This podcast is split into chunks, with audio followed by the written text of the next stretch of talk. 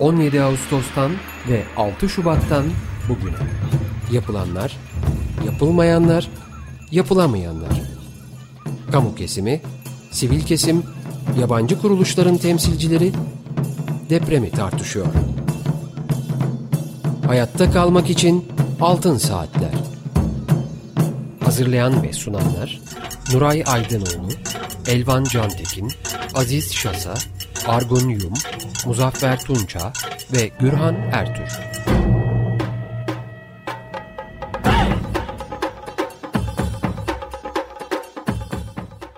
Merhaba, 95.0 Açık Radyo'da Altın Saatler programı deprem özel yayınındayız.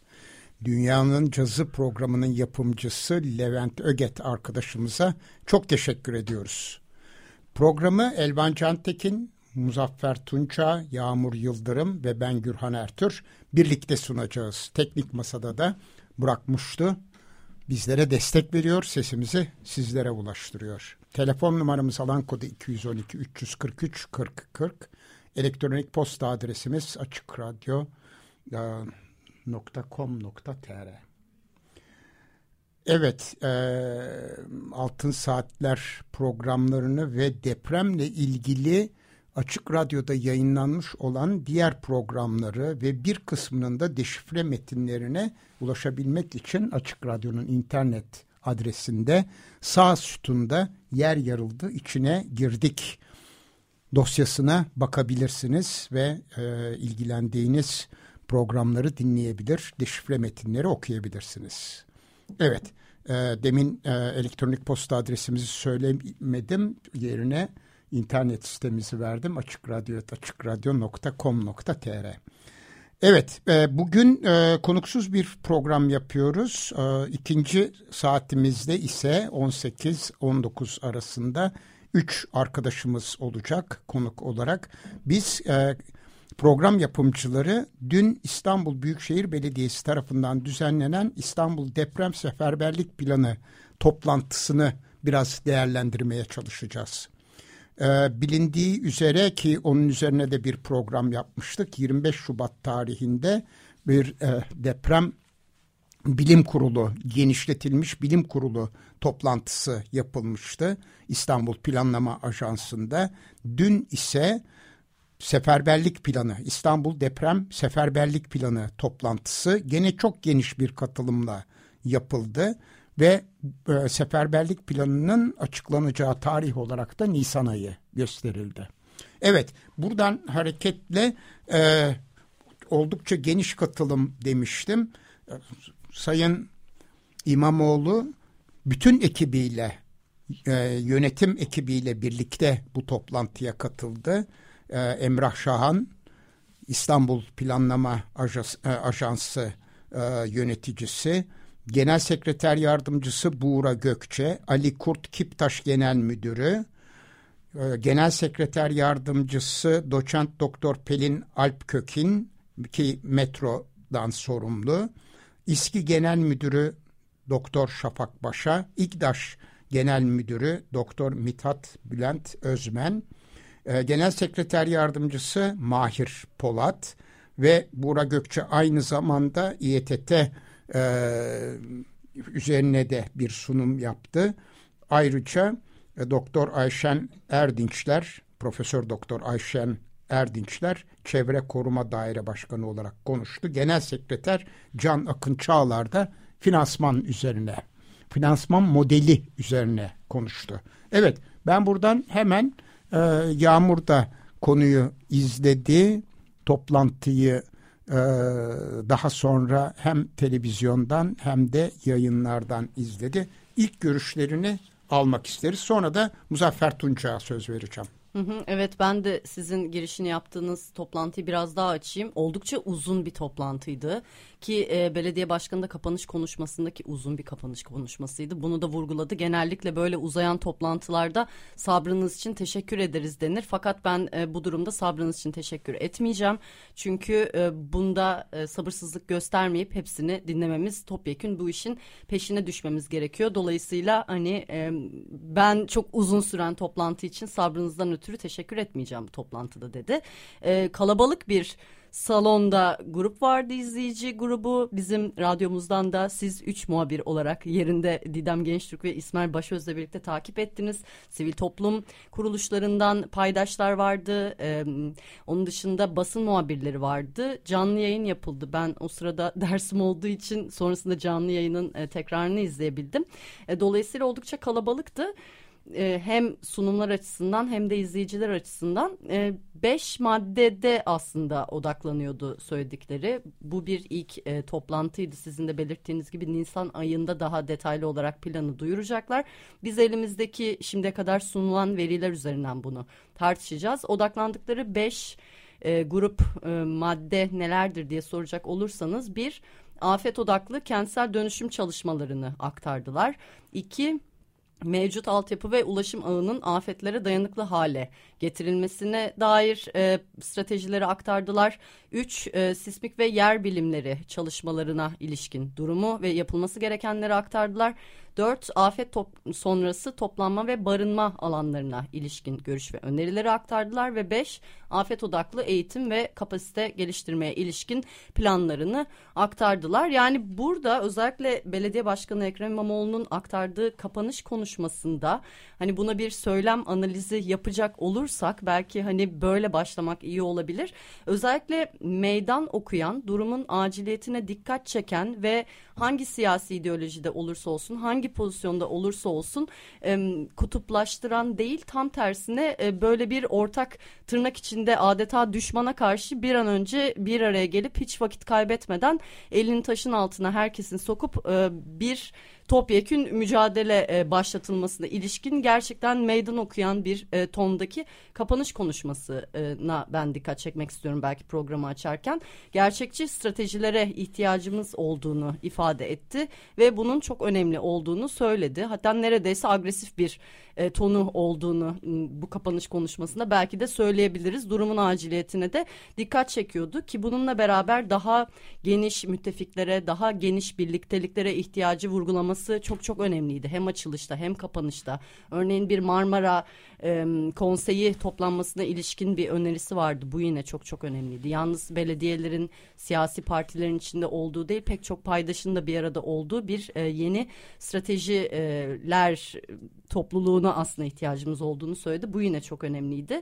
E, bunun yanı sıra tabii insan şunu da merak ediyor. Hali hazırda İstanbul'da sivil toplum çok çok gelişkin. Hali hazırda afete, afet yönetimine, e, dirençliliğe hem toplumsal hem afet odağında dirençliliğe dair çalışmalar yapan çok fazla topluluk var. Hani e, bu birliktelik müttefiklik çağrısında nerede duracak? Bunları da Nisan ayındaki daha detaylı plan açıklamalarında bekliyor olacağız diyeyim. Hani belki bir sondaki e, verilmek istenen mesaj üzerinden bu programa başlamak iyi olur diye ben e, bunu açtım. Çünkü Altın Saatler ekibi özellikle bununla ilgili 24 yıldır program yaptıkları için yani böyle bir kapanışta böyle bir mesajla biten bir toplantının ardından belki e, daha detaylı olarak tartışmaya devam ederiz. Evet, e, bence de en önemli e, tarafı bu toplantının en sonunda yapmış olduğu e, konuşma idi ve e, bir de e, dün gece Habertürk'te e, oldukça uzun bir program gerçekleşti Sayın İmamoğlu'yla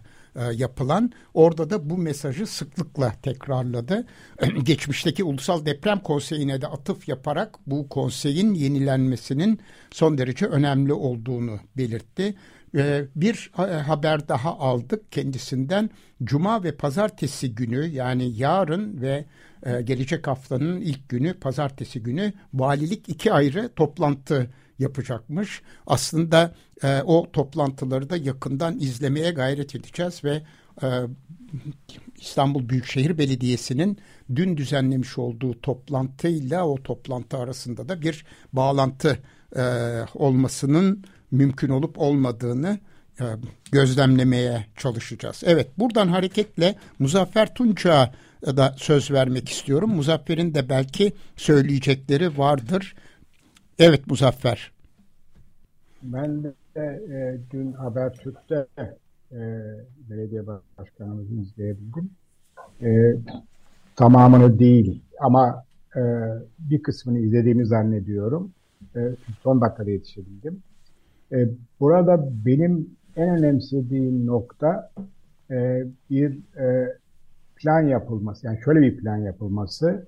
Şimdi e, 40 bini aşkın e, birimin, konut biriminin e, yenilenmesinden bahsetti ve bunun için 2 milyar Türk lirası para ayrıldığını ifade etti. E, bir kere bir finansman modelinin öngörülmesini anlamlı buluyorum, önemli buluyorum. Çünkü iş geliyor, orada tıkanıyor. Yani siz bir evin ya bir konutun e, depreme dayanıklılığını kontrol ettiniz. Evet. Sonra ne olacak? Ona mutlaka bir e, finansal destek gerekli. Eğer bu konu çözüldüyse çok ciddi bir adım atıldı demektir.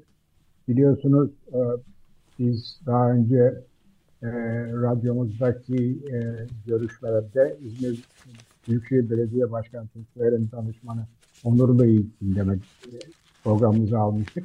O bir 120 milyon e, dolarlık e, Dünya Bankası kredisinden söz etti. E, İzmir depreminde orta hasarlı binaların, orta ve ağır hasarlı binaların yeniden yapılması için. Fakat bunun bir türlü e, Ankara tarafından e, onaylanmadığını ifade etmişti. Mesela bu önemli bir kaynak bana göre. Çünkü böyle bir kaynağa ihtiyacı var. 99 depreminden sonra da e, Dünya Bankası kredisiyle biliyorsunuz çok konut yapıldı. Ha ben dışa bağımlılığı e, savunmuyorum bu anlamda da ama Dünya Bankası'nın kredilerinden akıllı bir şekilde yararlanarak e, bir takım en ciddi, en e, kritik binaların yenilenmesi sağlanabilir. Ben ne diyorum e, İmamoğlu da bu noktadan yaklaştı. Bu önemliydi e, bana göre. İkincisi de, ikinci önemli nokta da geniş bir e, cephe diyelim ona. E, yani herkesle çalışıyoruz. Özellikle e, devlet kurumları birlikte çalışmasının önemini yansıttı. Bu çok önemli. Bunu her e, afetten sonra yaşıyoruz. E, kopukluğun mutlaka giderilmesi yani. Yani Çevre Bakanlığı e, bir e, etkinlik koyacak, bir planlama yapacak ve belediye bir planlama yapacak. Bu olmuyor. Dolayısıyla e, az önce sözü edilen bu valilikteki iki toplantı da önemli. Yani ondan söz etmesi önemli. E, bu birliktelik sağlanırsa daha kolay aşılır birçok engel. Çünkü mesela bir e, buluşma alanları, toplanma alanları konusu gene böyle bir ortak e, e, çözüme kavuşturulabilir. Milli emlağa ait, ait yerler, belediyeye ait yerler ortak kullanılabilir. Kamulaştırma yapılacaksa ortak yapılabilir. Ee, yani deneyimimiz şunu gösterdi. Geçmişte de mesela İzmir'de bir takım envanter çalışmaları yapıldı. Ee, bir takım senaryo çalışmaları yapıldı ama iş geliyor nereye? Ee, işte kritik görülen binaların yenilenmesi. Bu da bir maliyet. Yani siz tespiti yapıyorsunuz. İşte sizin binanız tehlikeli diyorsunuz kritik diyorsunuz ama içinde yaşayanların e, bu binayı yenileme, e, dönüştürme e, olanağı yok. O zaman ne olacak? O öyle kalıyor. E, hatta dün kritik bir haber vardı. İskenderun'da e, ne yazık ki bir apartmanda tam yenileme kararı aldığında e, kat malikleri deprem oluyor ve hepsi hani hayatını kaybediyor çok acı bir şekilde. E, yani demek ki geç kalınmış. E, bu tip e, etkinliklerde daha e, aktif e, ve yaratıcı davranmak lazım. Somut olandan gitmek lazım. Ben şimdi İmamoğlu'nun bu yeni projesinde sanki bunu öngörüyor diye düşünüyorum. E, öyle bir belli bir meclisten geçirerek meclis kararıyla bir 2 milyar liranın e, ayrılması ya daha doğrusu ne dedi? E, konut başına 1 milyon verilecek ki aşağı yukarı 100 metrekare e, bir e, konut e, bugün o fiyata mal oluyor. E, ve onu da kime verecek? Asgari ücretin iki katı e, ücret alan aileleri sınır alarak verecek. Bu da olumlu. Daha yoksul kesimine, daha ihtiyaç sahiplerine verecek bunu. E, bunu gerçekleştirebilirse yani bu krediyi 10 yıl vadeli olarak öngörülen krediyi e, hayata geçirebilirse e, iyi adımlar atılabilir diye düşünüyorum. Evet. Elvan da aramıza katıldı bu arada. Belki Elvan'ın da söyleyecekleri vardır. Ee, evet, e, kusura bakmayın ben ben biraz geç katıldım. E, hızlı bir şekilde gözden geçirdim. Tamamıyla izleme olanağım olmadı. E, ama oldukça e, kapsamlı bir e, çalışma olarak değerlendiriyorum. Esasında e, birkaç yıllık bir çalışmanın e, bir e, özeti gibi bu e, sunumlar. E, işte İSKİ'nin sunumu olsun, e, metrolarla ilgili raylı sistemlerin e, sunumu olsun, diğerleri de öyle. E, ben e, son e, e, Sayın Ekrem İmamoğlu'nun son bitiş konuşmasında bahsettiği e, özellikle de beni doğrudan ilgilendiren e, bu afet gönüllüleri yapılanması e, e, e, dikkatinize getirmek istiyorum. O konuda sonuçta işte bu son depremde de çok net olarak e, gözüktüğü gibi e, bizim e, yani bir taraftan afet riskini azaltmak için çaba sarf etmemiz ve özellikle de yapı stoğunun iyileştirilmesi konusunda çaba sarf etmemiz e, çok e, önemli iken e, unutmamamız gereken ve de artık çok aşikar e, karşımızda duran bir durum var. E, vaktimiz çok fazla yok. Yani her an, her dakika, her e, e, gün biz e, İstanbul'da benzer bir depremi yaşayıp yaşamayacağımızı tartışıyoruz. E, bu konuda çalışan yer bilimciler artık zamanın geldiği konusunda aşağı yukarı hem fikir birkaç kişi haricinde. Böyle bir noktada e, belli yıllara şamil olacak, yıllara dağılacak bir e, iyileştirme projesinin yaparken e, çok ciddi olarak da mevcut durumda karşılaşacağımız afete hazırlık yapmamız gerekiyor. Bunu göz ardı edemeyecek noktadayız.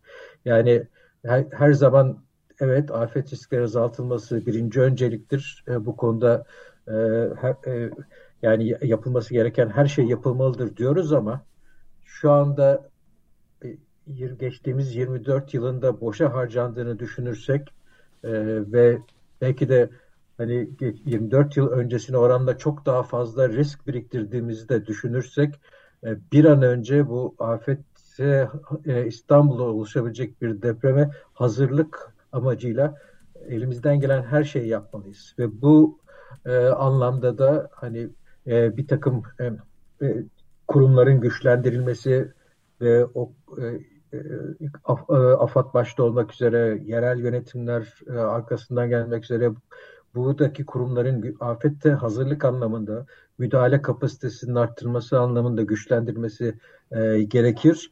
Ama onun yanında da bu son depremde de gördük. E, çok yerel bazda bir takım kapasitelerin oluşturulması son derece önemli.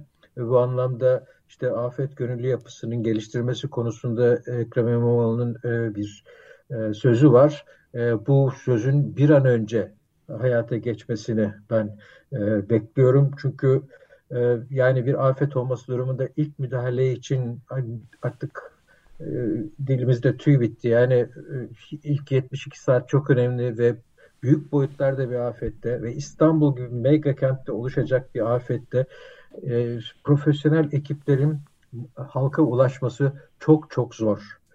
Yani e, tamam bu son deprem çok büyüktü, coğrafi olarak çok yaygındı, şu bu filan e, bütün bunlar kabul. Ama İstanbul'daki olacak depremde de İstanbul'un özel şartları nedeniyle işte e, çok kalabalık olması, bir, trafik sorun ve e, ulaşımın büyük bir problem olacağı filan e, bilgileri e, yani beklentileriyle bizim e, acilen e, işte mahalle bazlı yapılanmalara gitmemiz gerekiyor. Bu konuda oralarda gönüllü yapılanmaların oluşturması, onların eğitilmesi, bunlara ekipman sağlanması. Yani e, kulaklarımdan hiç e, e çıkmıyor o bir demir makası bulamadık diyen e, şey e, e, Hataylı yurttaş. Yani bu bir gerçek. Bunu biz 99'da da gördük ve bunu yeniden keşfediyor olmanın acısını da çekiyoruz bir taraftan. Yani bunlar 24 yıl önce yaşanmıştı ama aynı şeyleri bir daha yaşadık. Bir daha da yaşamamak için bir an önce e, mahalle bazlı örgütlenmelerin hayata geçirilmesi, insanların e, mahallede gönüllü olarak katılacakları e, ekiplerin oluşturulması, bir kapasitenin oluşturulması, bunun eğitimle yapılması, işte hafif arama kurtarma olsun, yangına müdahale olsun, e, ne bileyim ilk yardım olsun e, bu anlamda belli e, eğitimlerin sağlanması, bu kişilerin organize edilmesi yani depremi beklememek lazım organize olmak için. Bunun bir an önce organize edilmesi ve bundaki kişilerin kullanacakları bir takım ekipmanların, basit ekipmanların işte yaralı taşımak için bir sedye olsun ya da bir e, işte e, enkazda bu, bu, bu e, enkaza girişleri çok e, istenilen arzulanan bir şey değil ama e, ister istemez e, bir şekilde bir e, işte delici kırıcı e, alete bir kazma kürek bile bir demir makası bile bir ufak e, söyleyin adını e, işte e, kriko bile bunlar çok çok önemli şeyler ve bunlar mahallelerde şey yapılabilir e, e, yerleştirilebilir ve gerektiğinde kullanılabilir. Muhtarların başlan, e, başkanlığında bir organizasyon oluşturulur. Bu organizasyondaki kişiler bu aletleri kullanmak için eğitim alabilirler. Çünkü burada hepimiz gördük bir defa daha enkaza girmek ya da enkaz alanda dolaşmak da çok tehlikeli. O yüzden neyin yapılacağını, neyin yapılmayacağını, neyin tehlikeli olduğunu e, bu gönüllülere anlatmak lazım ve beraberinde e, yani her zaman bu, e, bu gönüllü ekibin e, baş, başını çekeceği bir mahalle içi dayanışmanın e, altyapısını oluşturması lazım. Benim düşüncem o. E, burada e, ona yönelik bir takım e, şeyler var. E, İstanbul e, Seferberlik e, konuşmasında e, e şeyin e, e, Sayın Ekrem İmamoğlu'nun e, o anlamda e, bir an önce hayata geçmesi dileğiyle tabii ki konuşmasında bahsettiği dokuz noktada topluyor esasında son e, şeyi. O dokuz noktada bahsettiği her şeyin bir an önce hayata geçmesi lazım. Çok geç kalmışız e, ve yani bu toplantının bu tarihte yapılıyor olması bile e, başka bir e, acı nokta diyeyim. Evet, e, bir de e, Sayın İmamoğlu'nun enteresan bir önerisi oldu. e, askere gidenlerin bir aylık e, bir eğitimden geçirilmesinin son derece e, olumlu sonuçlar vereceğinden bah, e, bahsetti. E, senin e, gün, deprem e, konusunda, afetler konusunda gönüllülerin gerekliliğine ilişkin söylediklerini de e, doğrulayan bir yaklaşımı vardı. Ne dersin? Yani askerlikte böyle bir eğitim mümkün olabilir mi? Hayır, Ve yarar olur mu? Gibi. Yani e, kısa dönemli askerlik yapanları da esasında niye olmasın? Yani e, geçmişte e, bilemiyorum ben benim dönemimde olmadı ama e, benim babamların döneminde bildiğim kadarıyla e, gençler e, yaz aylarında e, bu bu tür kamplara gidip bir takım eğitimler alıyorlardı çok basit de olsa. E, bu yani benzer bir şekilde bir uygulama yapılabilir. Çünkü Türkiye'de yani e, bir e, ilk e, tıbbi ilk müdahalenin yapılması yani e, e, bir e, ne bileyim hastanın nasıl taşınacağının bilinmesi, bir yangın söndürme başlangıç aşamasında bir yangın söndürme işinin nasıl yapılacağı konusunda bir eğitim alması insanların bence çok olumlu bir şey. Ya sadece İstanbul için değil bütün Türkiye için bence geçerli olan bir öneri bu. Niye olmasın? Evet, evet. bedelli askerlik için bunu söylemişti. Çünkü e, çok sayıda insan bedelli askerlik e, için hani bir Başvuruyor. eğitim alıyorlar aynı zamanda. Neden bu afet gönüllülüğü acil durum eğitimi olmasın diye çok hani makul bir öneri olduğunu düşünüyorum. Ben iki X yani kromozomunda mesela, olduğum ben, için bilmiyorum ama Evet Ama Elvan. Bedelli askerlik sadece olmasın canım. Bütün askerliklere veresin. Ne olacak? Bir de yani e, bedelsiz gidenler de böyle bir eğitim al, al, al, alsın. Yani 36-40 saatlik bir eğitimle esasında hakikaten e, insanların çok e, hayati e, bilgilere sahip olması sağlanabiliyor. Ben bunu yani bizim uygulamalarımızdan biliyorum. Yani kısa dönemde... Kimseyi biz profesör araba kurtarmacı yapmak istemiyoruz. Hayır. Yani bir insanlar böyle bir anda e, dışarıdan desteğin gelmeyeceğini bilmeleri ve bu destek gelmediği sürece de yapmaları gereken şeylerin en azından e, sağlık şey e, tehlikesiz bir şekilde başkalarına zarar vermeden, kendilerine zarar vermeden bunları yapabilmeleri için önünü açmak ve bir takım basit aletleri kullanarak e, e, şeye e, afetten etkilenmiş kişilere yardımcı olmak. Bunun örgütlenmesini yapmak. Bu da çok önemli. Yani e, e, hani hiçbir şey bilmeseniz bile o örgütlenmenin temelini oluşturursanız ve bunu öğrenirseniz o da çok önemli. Çünkü böyle bir anda e, or, beraber bir davranış, bir e, ortak bir hareket e, olması gerekiyor. Bu, bu, bu bunu dersek sadece o, o bile büyük bir aşama. Evet Muzaffer bir şey söylüyordun. Evet. E, şöyle e, şimdi o kısa dönem gidenler ya bedelli olanlar benim bildiğim pek de bir şey yapmıyorlar. Yani o e, kısa dönem geçip gidiyor. Elvan'ın dediği gibi bunlara e, hem fiziki kurtarma bilgileri verilebilir hem de e, afet bilinci verilebilir, bir eğitim verilebilir. Yani işte bizim e, depreme karşı e, durumumuz budur, kentlerimiz budur gibi e, belki okulda başlaması gereken ilkokulda başlaması gereken eğitim de verilir. Yani fiziki kurtarmanın yanı sıra deprem bilinci eğitimi verilebilir. Yani bizim mahallelerde verelim diye e, konuştuğumuz eğitim e, verilebilir. O kısa dönemde. Tabii tabii zaten e, yani o eğitimlerin temel ilk başlangıcı onunla başlar. Yani biz bu eğitimi niye alıyoruz? Çünkü bir af, e, yani bu içinde bulunduğumuz coğrafyada e, ve bulunduğumuz koşullar altında afet riskleri var bu riskleri ortadan kaldırmak ve kaldıramadığımız risklere karşı da hazırlıklı olmak için biz bu eğitimi veriyoruz. Bu eğitimin e, temelinde mantık bu. Bunu ilk önce vermek lazım. Ondan sonra da işte eğitimin e, temel 5-6 alanda e, çok şey e, giriş seviyesinde belki de e, bir eğitim yapmak lazım. Bütün dünyada buna e, ilk müdahaleci eğitimi deniyor. E, first responder denir ve işte e, afetlere çok maruz kalan bir sürü ülkede de bu tür yapılanmalar var. Yani Yeni Zelanda'da var, Avustralya'da var, Japonya'da var.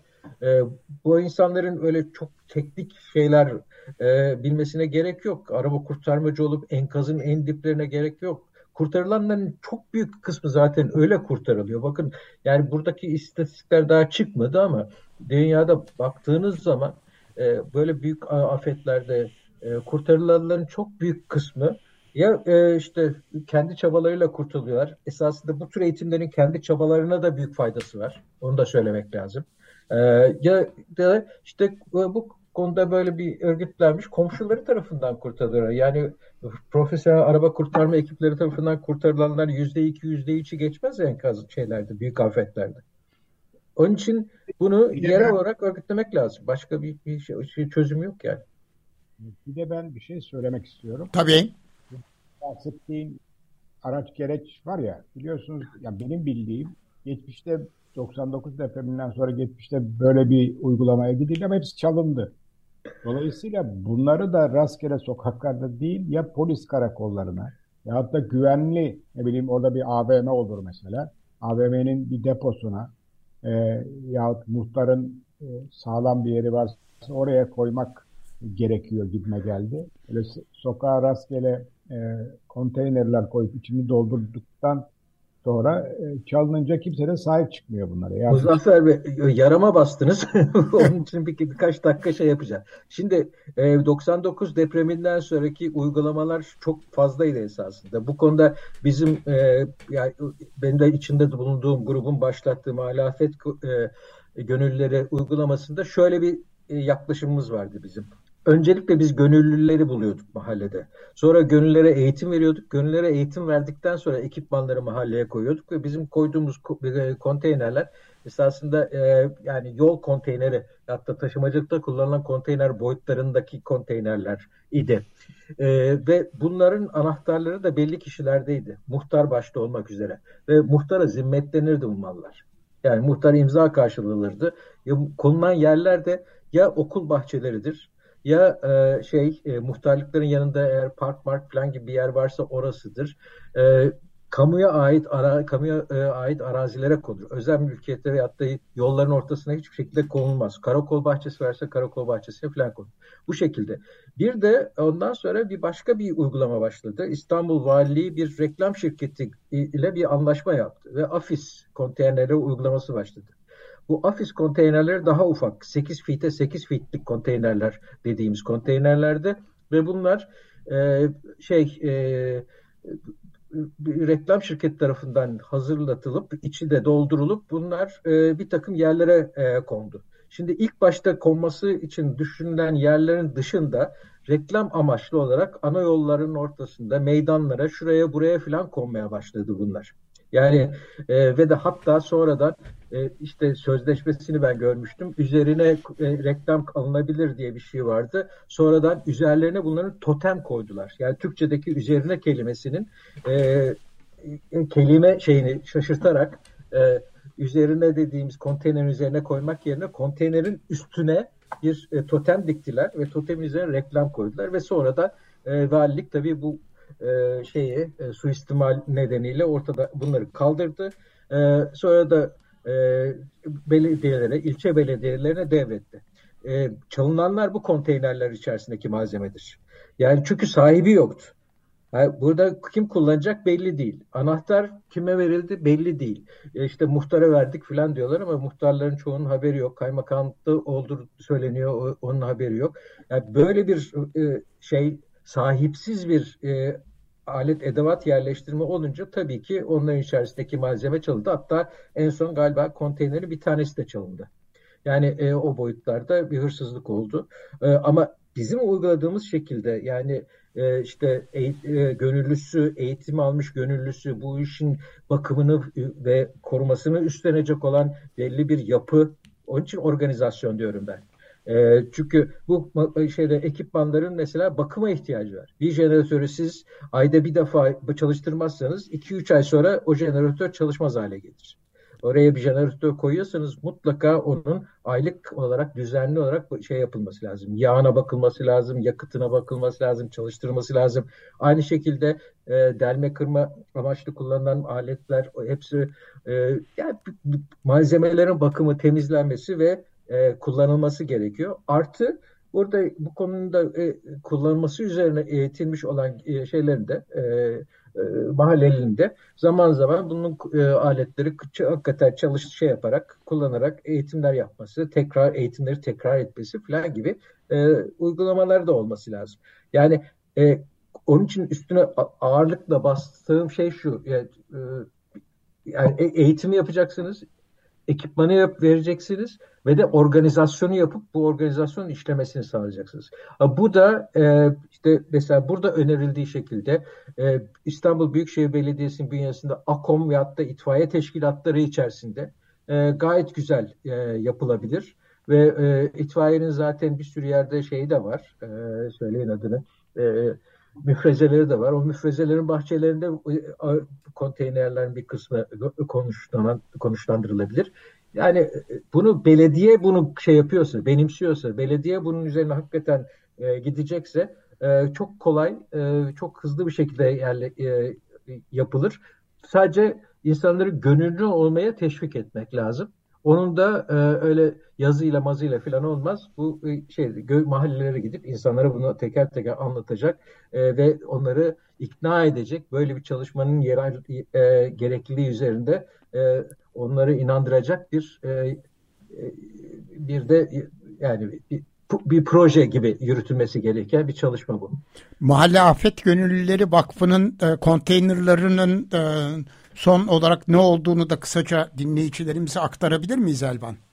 E, Mahalle Afet Gönüllüleri konteynerları e, İstanbul Büyükşehir Belediyesi'ne devre şey yapıldı. E, vakıf kendini e, kapatma kararı aldıktan sonra bu konteynerler e, mülkiyetleri bunların e, Mahalle Afet Gönülleri Vakfı üzerindeydi. Bir kısmı e, yani daha öncesinden gelen bir kısmı da bir şekilde 7 olarak Mahalle Afet Gönülleri e, Vakfı'nın üzerindeydi. Bunlar vakıf e, kapıl, kapatılırken, vakıf fesih edilirken e, şeylere İstanbul Büyükşehir Belediyesi'nin e, ne e, devredildi şartsız olarak devredildi. E, belediye bunların ne yapacağı konusunda ve nasıl yürüteceği konusunda o gün bugündür e, esasında 2019 e, galiba e, devir tarihi 2019'dan beri net bir karar alamadı ama e, bir sürü mahallede benim bildiğim zaten gönüllüler hala o konteynerleri şey kullanıyorlar. E, içlerindeki aletlerin bakımını yapıyorlar. Çünkü gönüllülerin var olduğu yerlerde bir sorun yok. Olmadığı çünkü e, epey bir zamandır e, tekrarlama eğitimleri ve yeni gönüllüler alınamadığı için e, vakıf kapandıktan sonra e, orada tabii sönümlenme oluyor. E, gönüllüler yaşlanıyor, e, kimisi mahalleden ayrılıyor filan. E, yani o eski e, yönlendirici şevk de olmadığı için e, bir şey oluyor. E, sönümleniyor gruplar. Evet. O sönümlendiği zaman o konteynerin e, tabii şeyi e, bakımı ve e, içindeki e, ekipmanın e, güncellenmesi söz konusu olmuyor. Böyle evet. sorun var. Bir programımızda da Mahalle Afet Gönülleri Vakfı'nın kapanmasının üzerinde e, kısaca duralım. O da önemli bir tecrübe e, ve e, neden e, kapandığı üzerine eğer e, biraz durabilirsek sürdürülebilirlik konusunda da nelerin yapılması ve nelerin yapılmaması konusunda bir fikir ileri sürebiliriz diye düşünüyorum. Şimdi bir müzik parçası dinleyeceğiz. Ondan sonra ikinci bölümle birlikte devam edeceğiz. Evet 95.0 Açık Radyo'da Altın Saatler programı deprem özel yayınındayız ve e, dün İstanbul Büyükşehir Belediyesi tarafından düzenlenen İstanbul Deprem Seferberlik Planı toplantısını değerlendirmeye devam ediyoruz. Aslında bu toplantıda yani kapanış konuşmasında Sayın İmamoğlu birkaç tane önemli tarih verdi.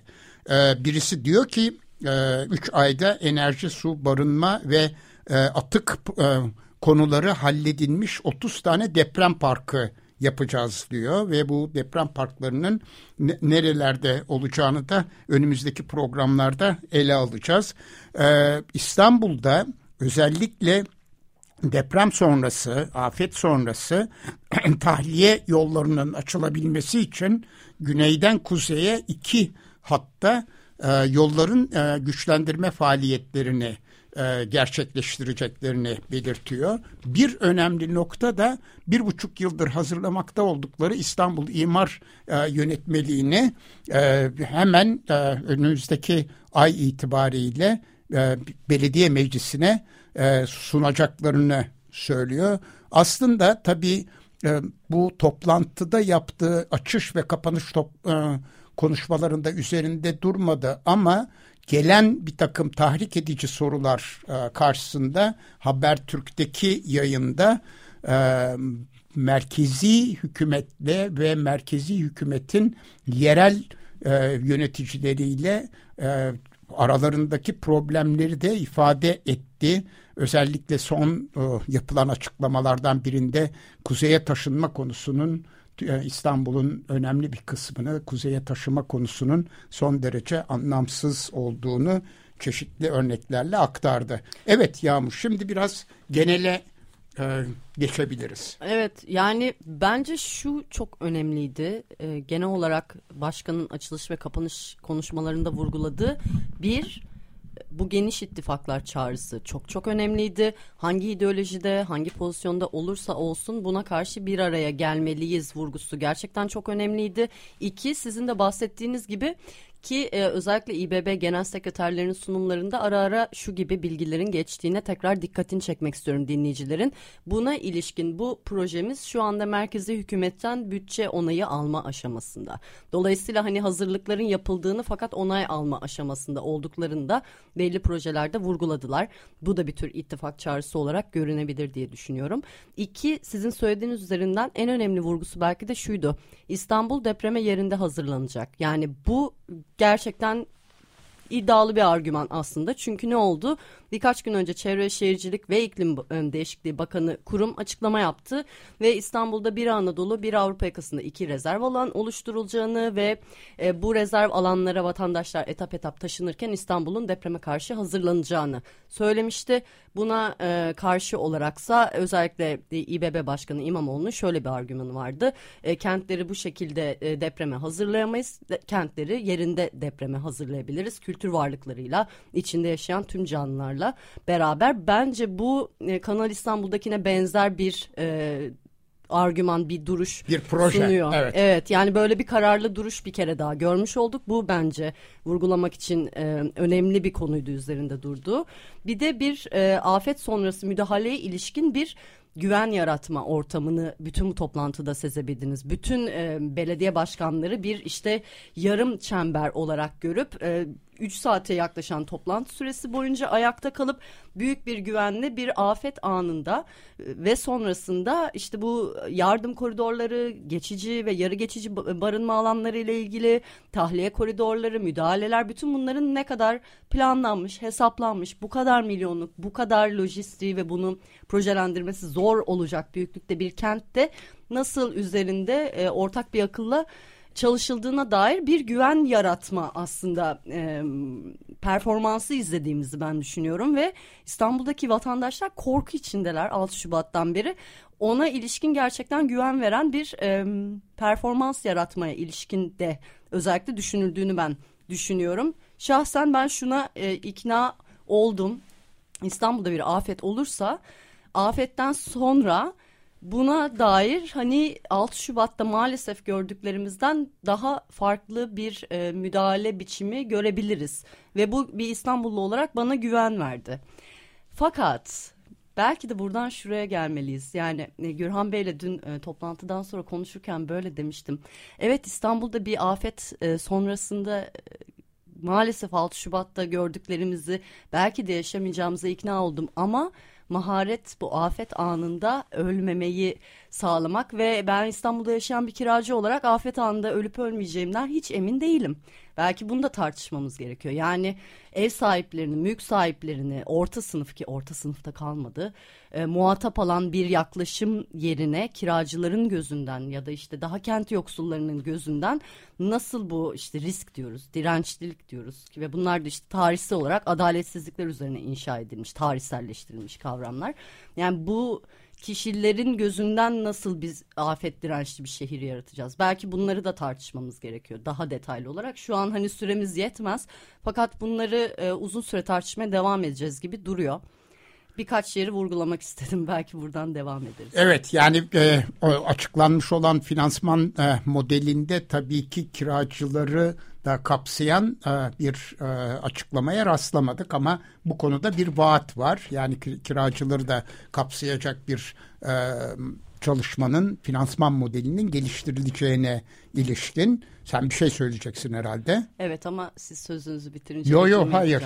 Evet yani bu kiracılar ilişkin Nisan ayında daha detaylı olarak bu e, açıklanacak. Bunu elbette biliyoruz. Bir de özellikle Muzaffer Tunçak'ın başta söylediği konu çok çok önemli. Çünkü kent yoksullarının gözünden aslında bunun e, dikkate alınması gerekiyor ki özellikle Adalet Kalkınma Partisi'nin kentsel dönüşüm adı altında yaptığı işte afet riskine karşı yaptığı yapılanma hiç bu perspektifi almadı. Tam tersine hani daha da insanları yerinden eden bir proje oldu diyorduk. Yani e, şu proje mesela önemli bir proje. Nedir? İşte e, açıkladıkları rakamlarla dün işte sabitlenmiş bir krediyle 10 yıl boyunca siz riskli yapıda e, oturan bir vatandaş olarak e, maliyetinde bir konut satın alıyorsunuz. 10 seneliğine e, siz bu krediyi ödüyorsunuz. Krediyi aldığınızda ve e, açıkladıkları rakamlarla işte 2000 küsür lira gibi eğer e, sizin hanenizin geliri iki asgari ücreti geçmiyorsa siz ödüyorsunuz. 17 bin küsür TL'de e, İstanbul Büyükşehir Belediyesi ödüyor ve işte 2000 küsür TL asgari ücretli birisinin çünkü Birleşmiş Milletler insani barınma kriterlerine göre gelirinin üçte birini geçmeyen bir miktar. Üzerine İstanbul Büyükşehir Belediyesi karşılıyor ve siz 10 sene boyunca e, bunun kredisini ödüyorsunuz. Bu çok güzel fakat bence bu konuya şuradan da bakmak gerekiyor. Bu sürekli bir borç ekonomisi yaratıyor bütün vatandaşlar olması dahi e, mülk sahibi olabilecek kadar riskli yapıda da otursa vatandaş 10 sene boyunca en az bu borç ekonomisinin bir öznesi olarak hayatına devam ediyor. Yani problem bu borç ekonomisini yok edebileceğimiz bir yerden bakmak ve hani belki sonraki programlarda daha detaylı tartışabiliriz ama belki bizim başka türlü mülkiyet biçimleri üzerinden bu konuyu düşünmemiz gerekiyor.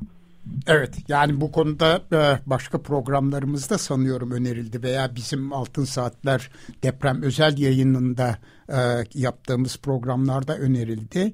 E, Londra örneği verildi, İngiltere örneği, Almanya örneği ve İsveç örnekleri verildi. Oradaki örneklerin özelliği ise belediyelerin sahip oldukları bağımsız birimlerin e, yoksul insanlara kiralanmasıyla ilgili. Fakat tabii e, bu modelde de özellikle e, son yıllarda, son 20 yılda bahsi geçen ülkelerde önemli bazı problemlerin ortaya çıktığını ve e, özellikle yenileme konularında e, yeniden e, o yoksul insanlara dönülüp e, o evlerin, binaların yenilenmesi konusunda hadi bakalım ceplerinizi boşaltın dendiğini biliyoruz. Ama bu konu e, çok daha e, derin ve uzmanlarıyla konuşacağımız bir e, konu durumunda. Şimdi aslında programımızın sonuna daha var ama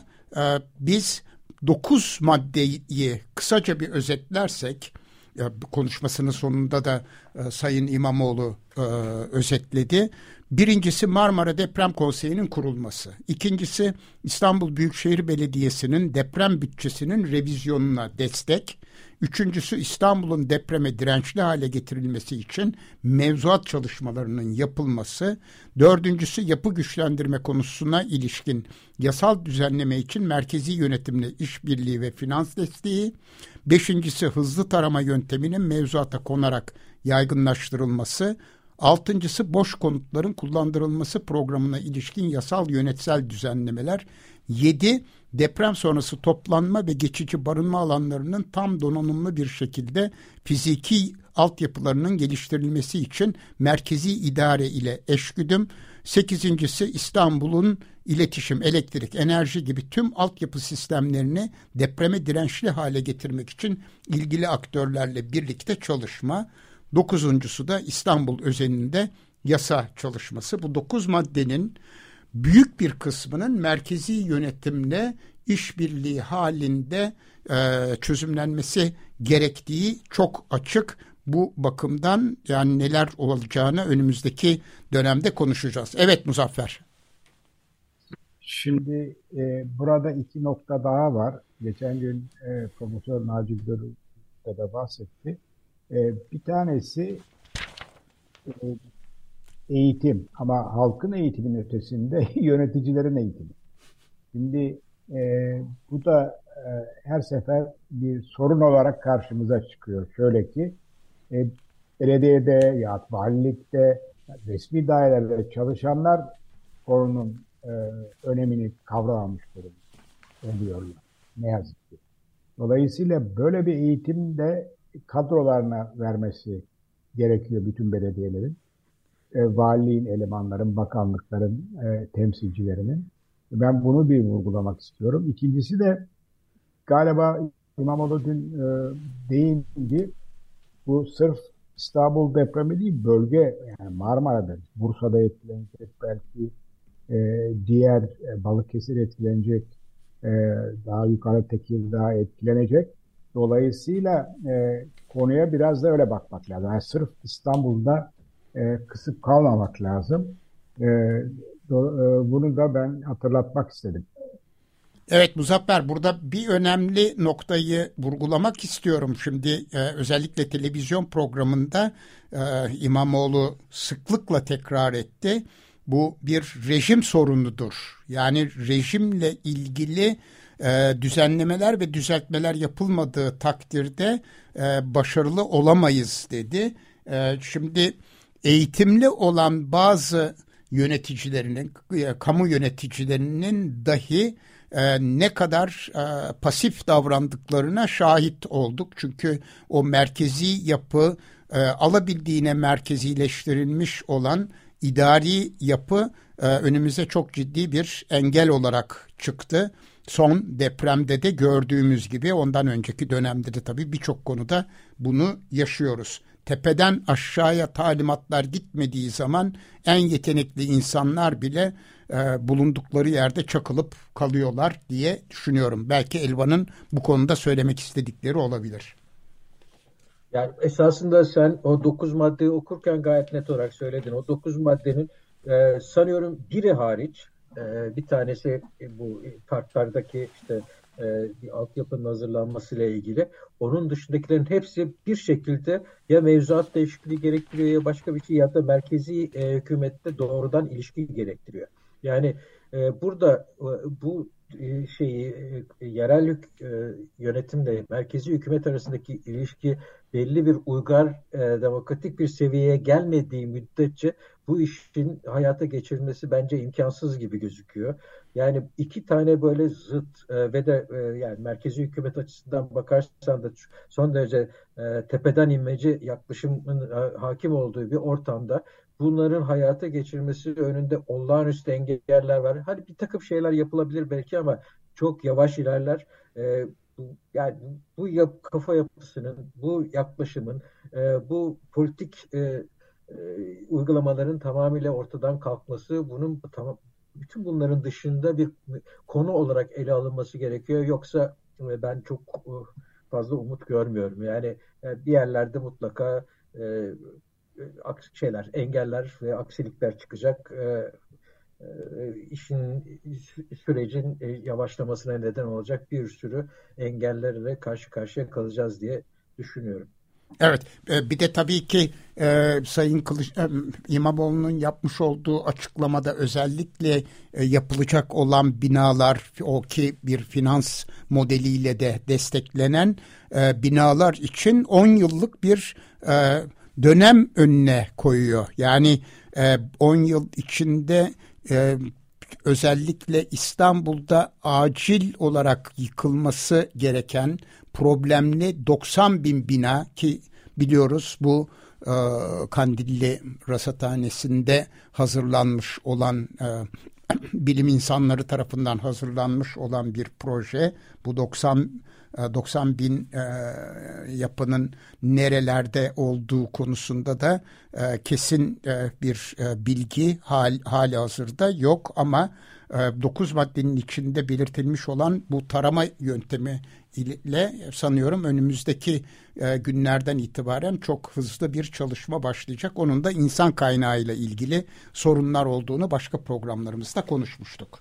Evet özellikle bu riskli yapıların dağılımı ve verileri için de bu hızlı taramaya başvuru yöntemini kullanıyorlar. Yani aslında bir nevi vatandaş üzerinden oluşturulmuş olan bir veri vatandaş beyanıyla. Dolayısıyla hani e, şeffaf ve güvenilir olduğu aşikar ama 90 bin bina mı daha mı yüksek bilmiyoruz. Hızlı tarama yöntemine başvurmayan da çok fazla insan var. Çok anlaşılabilir kaygılarla. Neden? Çünkü İstanbul'da zaten e, konut bedelleri çok yüksek ve e, mevcut yönetmelikte e, İstanbul Büyükşehir Belediyesi e, merkezi hükümetin önerdiğinin 3 katı kadar kira yardım bu durumda yapacağını beyan etti. 4500 TL. Yani Kasım ayında e, ortalama merkezdeki İstanbul'da kira fiyatları 15 bin ila 22 bin lira arasındaydı. Dolayısıyla hani bu e, çok rahatlatıcı bir çözüm önerisi de sunmuyor vatandaş için. Dolayısıyla bu hızlı taramaya başvurmak isteyenler başvuranların belki de katlarca katıdır diye gerçeklikte düşünmek düşünmek gerekiyor. Buna dair başka alternatif yollar da önermek çok çok önemli. Bunu da eklemek gerekiyor. Elvan? Ya bunun için esasında bir uluslararası finans kuruluşlarına da belki başvurmak gerekiyor. Nasıl İstanbul'da kamu binaları için bir Dünya Bankası kredisiyle başladı bu iş ve sonra başka e, finans kuruluşlarından da destek alındı. E, bunun için de böyle bir şey yapılması gerekiyor. Ama bu da merkez hükümetten geçiyor. Yani hazinenin onayı olmadan bir şekilde uluslararası finansmana gitmek çok zor. Yani e, böyle olunca demin söylediğim gene e, ön plana çıkıyor. Eğer merkezi hükümette bu konuda bir ortak hedefe doğru gitmek anlaşması yapılamazsa e, böyle bir anlayış e, e, getirilemezse o zaman bu işin yürümesi çok zor. Bir de şeyi e, söylemek istiyorum ben. Sadece bina değil tabii. Yani İstanbul'da e, riski arttıran başka bir sürü etmen daha var. Altyapı Binalar tabii. Alt, altyapı var. E, şey e, yani özellikle ulaşım ve e, tele, e, haberleşme ağı altyapısı e, doğalgaz altyapısını bahsettiler. Hani o da yapılacak o da. Yani e, daha önemli bir şey. E, Na, Naci Görür, Naci, Naci Görür altyapı projesini yaptım diyor. Evet yani öyle bir şey var ee, ama yani o da proje halinde yani bugüne kadar niye hala onlar e, ne bileyim İSKİ'nin mesela e, şey atık su e, tesisleri şeyleri altyapısı e, depreme dayanıklı değil anladığım kadarıyla ki böyle bir çalışma yapma ihtiyacı hissediyor. Yani bütün bunların e, de, bir yandan dikkate alınması lazım. E, tabii yani İstanbul'daki şöyle bir şey büyük bir depremin sadece e, fiziksel yıkımı e, getirmesinin yanında ekonomik yıkım olayı da var. Onda da e, sorunlar, e, başka başka sorunlarla karşılaşmak mümkün ve bunu e, yani İstanbul Büyükşehir Belediyesi'nin üzerine düşecek yük de var o, o anlamda. Sadece e, şeyde olarak fiziksel altyapının yattığı, fiziksel üst yapının düzeltilmesi diye olay. E, o yüzden e, ya bu ya o kadar büyük şey, geniş boyutlu bir şey ki yani şu anda İstanbul'da hala risk üretmeye devam ediyoruz biz. İstanbul'a hala şu son depremden sonra bile 400 bin kişi geldi deniyor. Belki de daha fazla rakam. E, nüfus arttıkça e, yani zaten e, kırılganlığın artıyor. Evet arkadaşlar programı kapatmak zorundayız. Şimdi hemen e, bütün bu e, seferberlik planının konuşulduğu e, toplantının belgelerine ulaşabilmek için İstanbul güçleniyor nokta İBB nokta İstanbul adresini dinleyicilerimize e, bildirebiliriz. Tekrarlıyorum İstanbul güçleniyor nokta İBB İstanbul adresinden bütün belgelere ulaşmak mümkün. E, ayrıca e, 18'de yani saat e, 6'da 6'da 6'yı 10 geçe e, üç konuğumuz olacak. Baykal Hancıoğlu, Ömer Ülker ve e, programın bir kısmında Barış Erkuş bulunacaklar. Yapı Deprem Mühendisleri, yeni kurulan Yapı Deprem Mühendisleri platformunun kuruluş gerekçesini, amaçlarını, kurucularını, geleceğe ilişkin projelerini konuşacağız. E, şimdi bu programı burada kapatıyoruz e, ve saat 18.10'da tekrar görüşmek üzere. Hoşçakalın. Hoşçakalın. Hoşçakalın.